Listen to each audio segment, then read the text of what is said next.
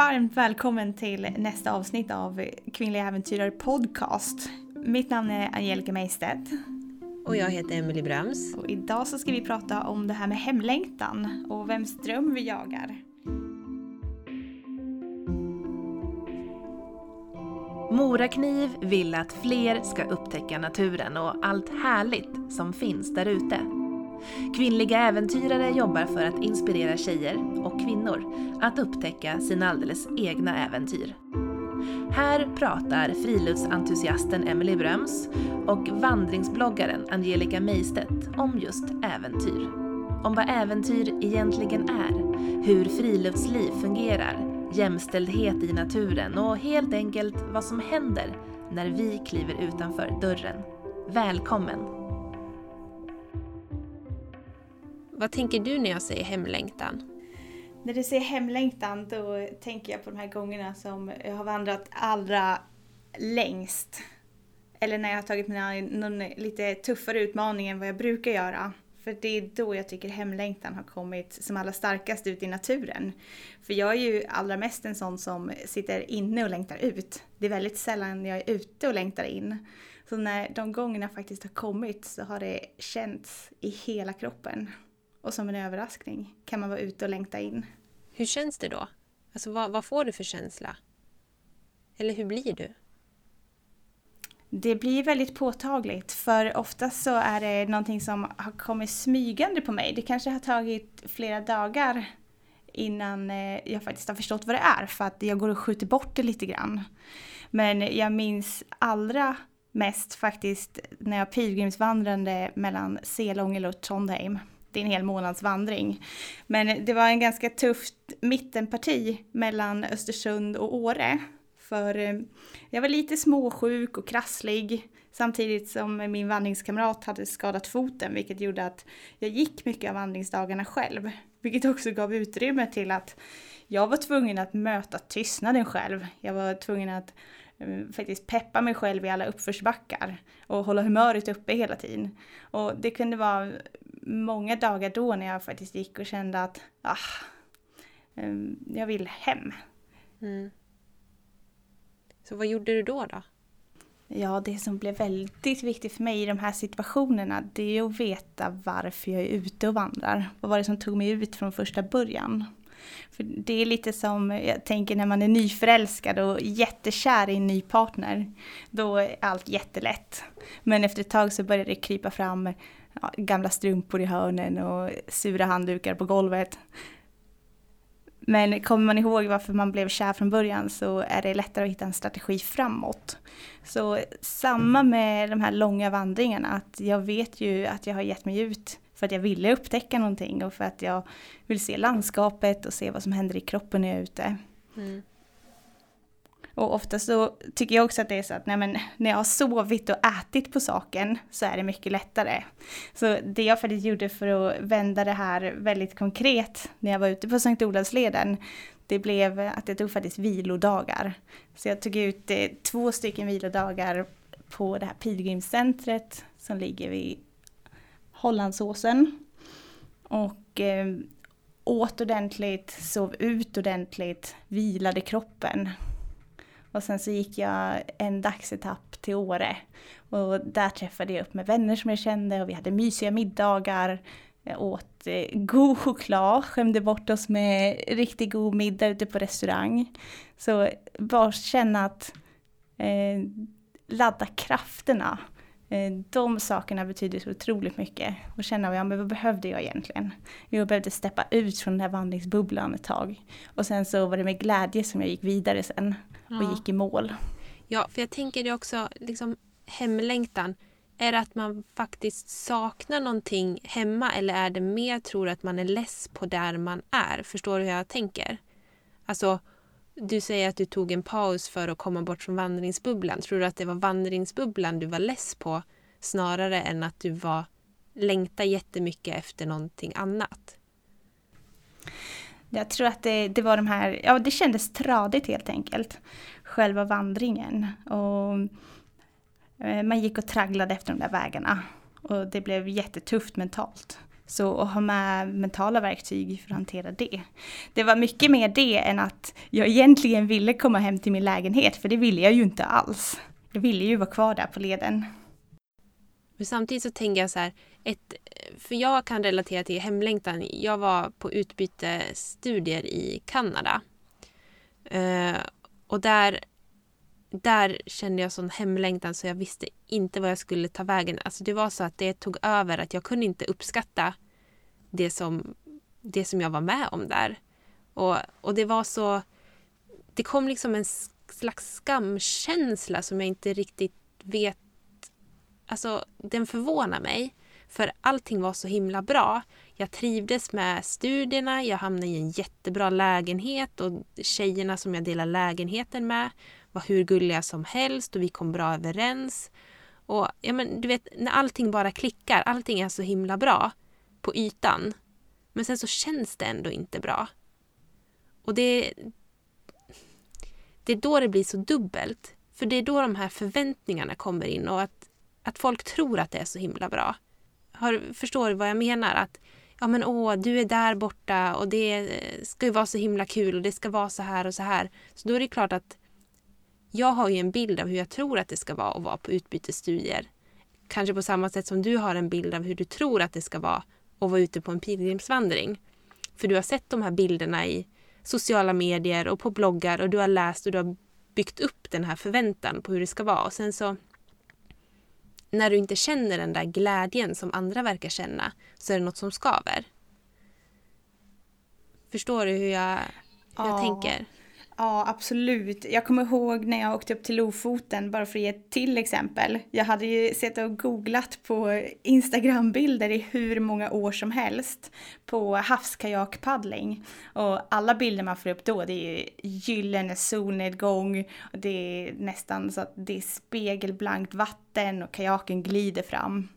Så när jag kom ut där en halvstormig lördag förmiddag, det var grått på himlen och det var jättetufft paddelväder ute på havet för det var höga vågor. Och det, det blev väldigt fysiskt och det var på inte något sätt likt allt det jag hade sett framför mig. Eh, så det, det är nog en av de största friluftsbesvikelser jag har varit med om. Just för att det blev sån kontrast mot allt det där jag hade hoppats att det skulle vara. Ja. Och allt det där vi hade setat i bilen på vägen upp och bara wow! Vi ska äntligen, äntligen havskajakpaddla i Lofoten. Och så var det ingenting som ens var lite grann som på de där bilderna. Ja, alltså alla de här förväntningarna, vad de kan ställa till det. Mm.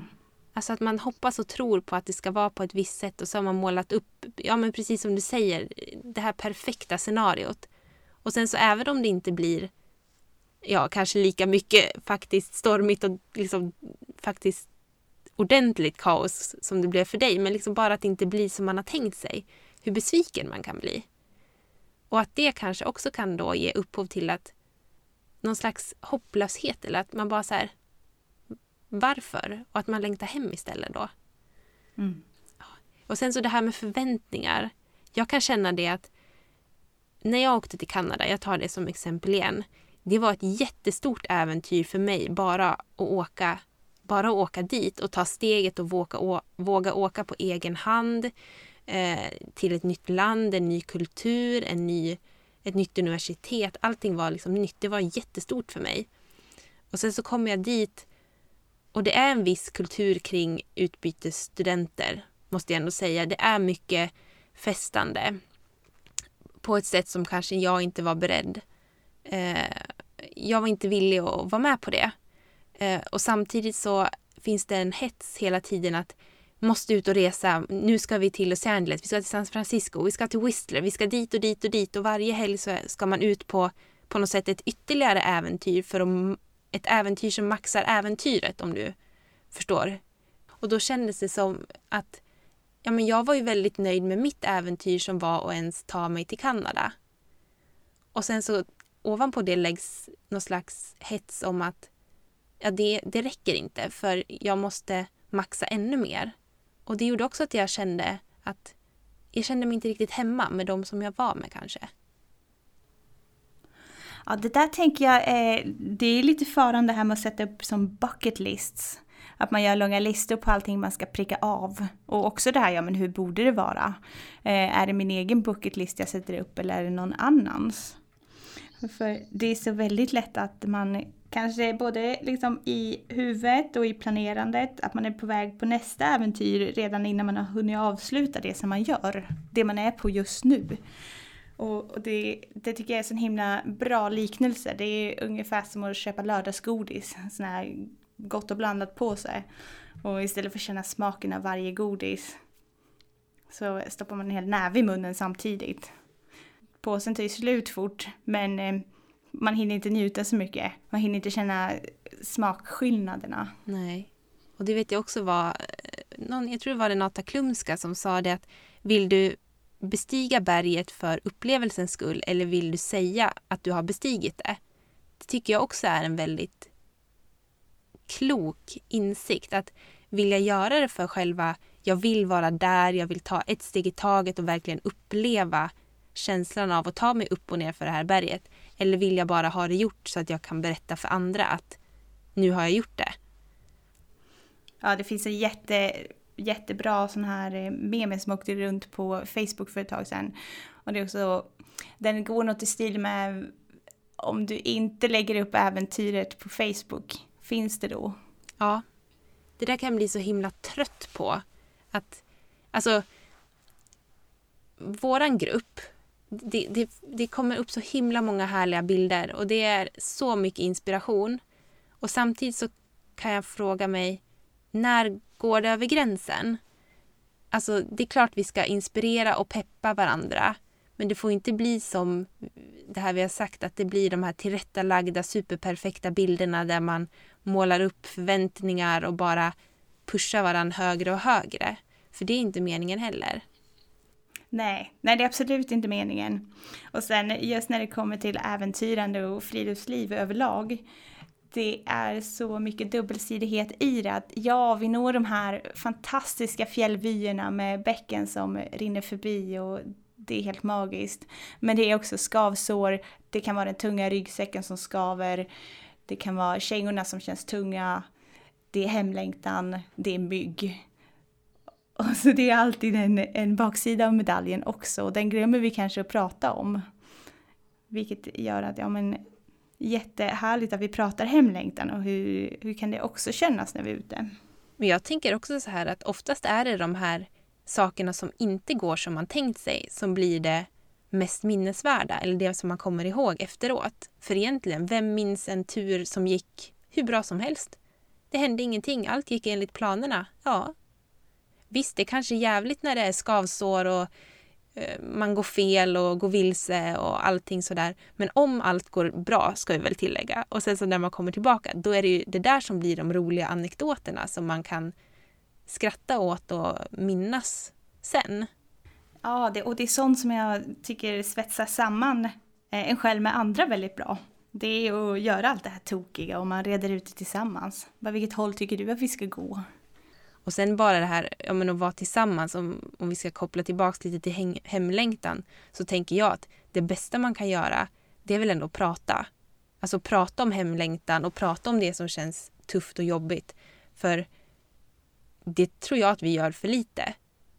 Just på grund av det här att det ska vara den perfekta ytan och den perfekta bilden, så vi bara stänger inne alla eventuella inom situationstecken dåliga känslor som vi inte tror är okej, okay, som vi tror att ingen annan känner bara för att det enda vi ser är de här perfekta bilderna.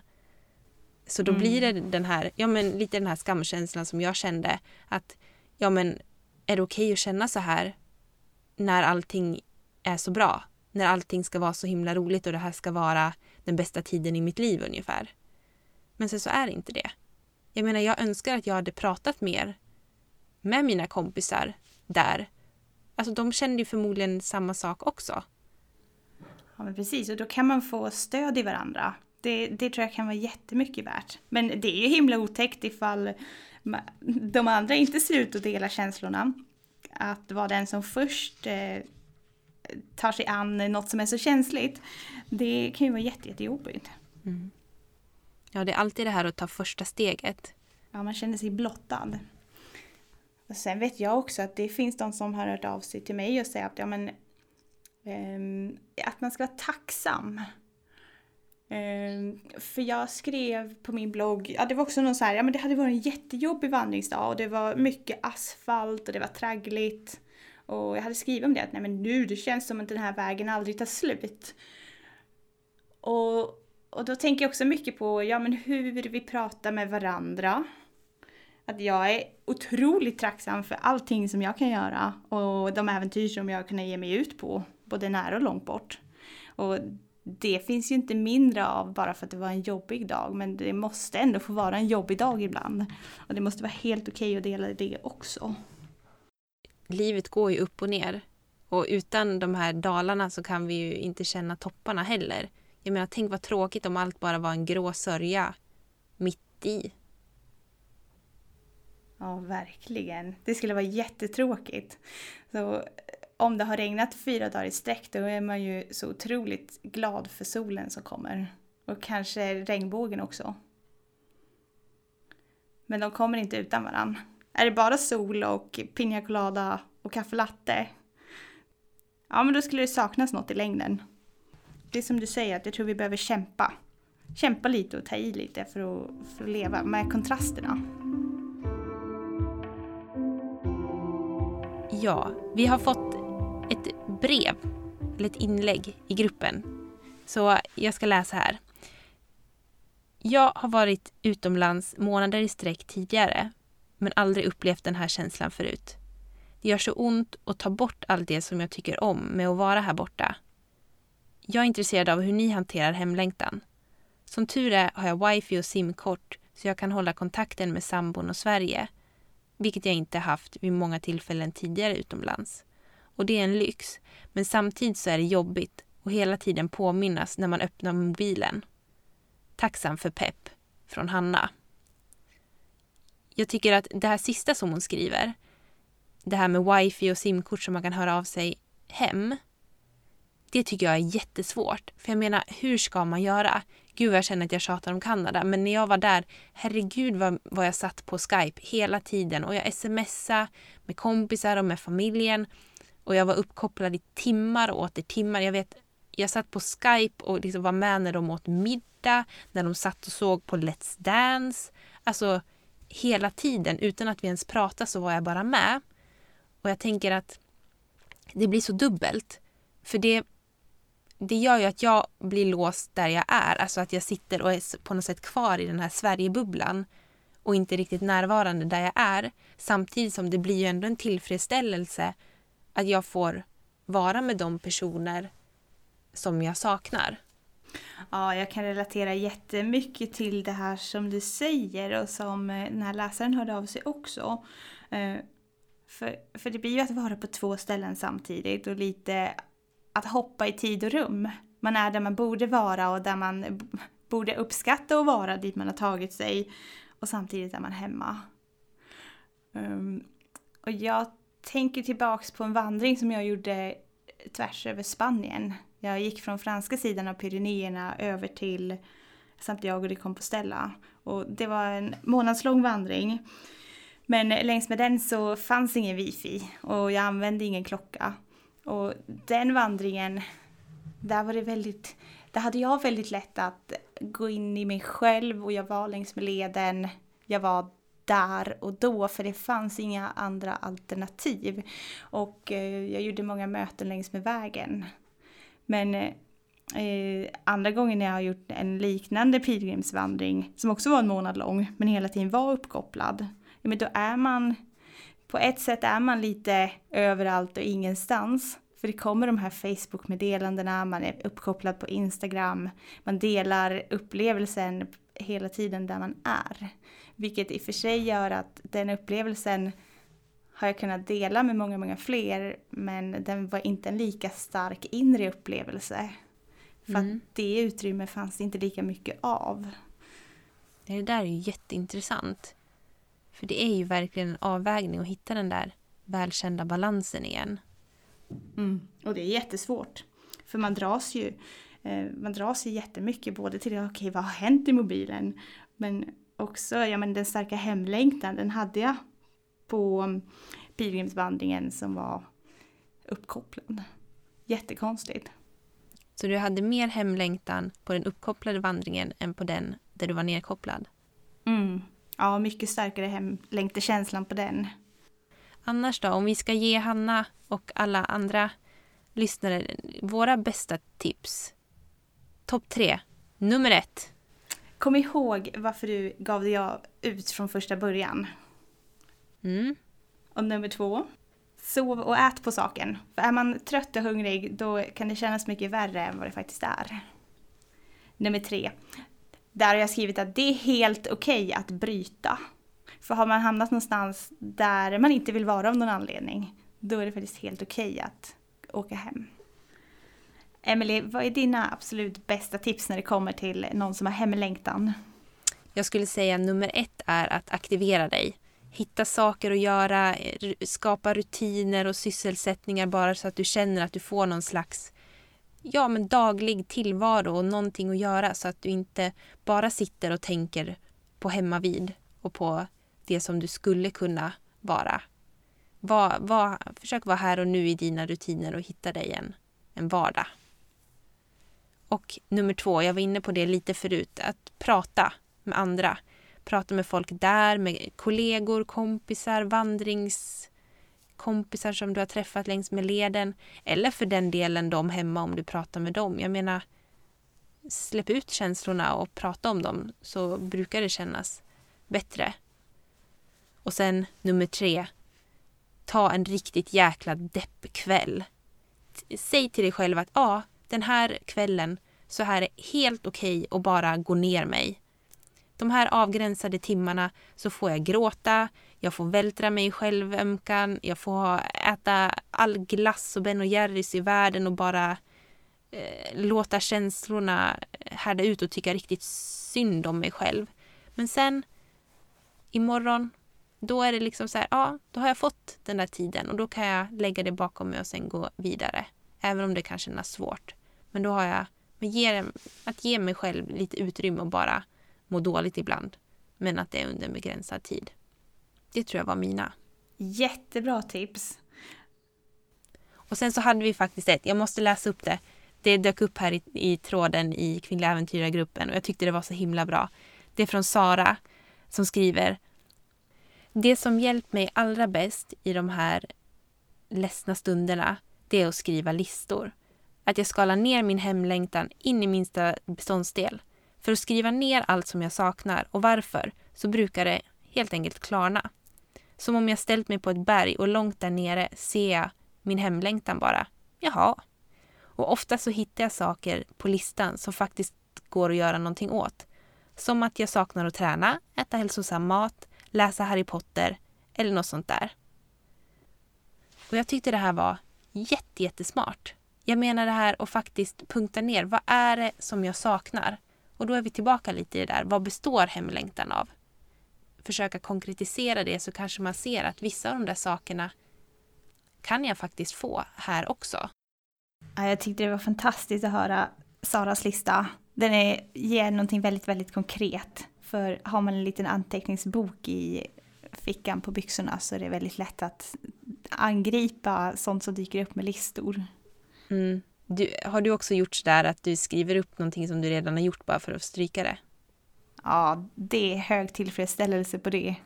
Men jag har aldrig gjort en hemlängtelistan. Jag tycker det var ett jättebra tips. Ja, jag tyckte också det var klockrent. Och kanske vi ska eh, lämna er med det och sen helt enkelt tacka för oss för idag och hoppas att ni har fått med er några bra tips och några nya tankar kring det här med hemlängtan och drömmar och sociala medier och vems dröm vi faktiskt lever.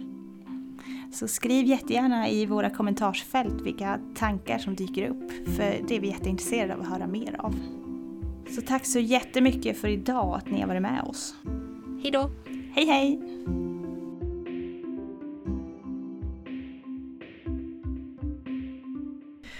Du har lyssnat på Kvinnliga Äventyrare podcast med Emily Bröms och Angelica Meistedt i samarbete med Morakniv och Vandringsbloggen. Vill du diskutera vidare så hittar du Kvinnliga Äventyrare på Facebook och på Instagram.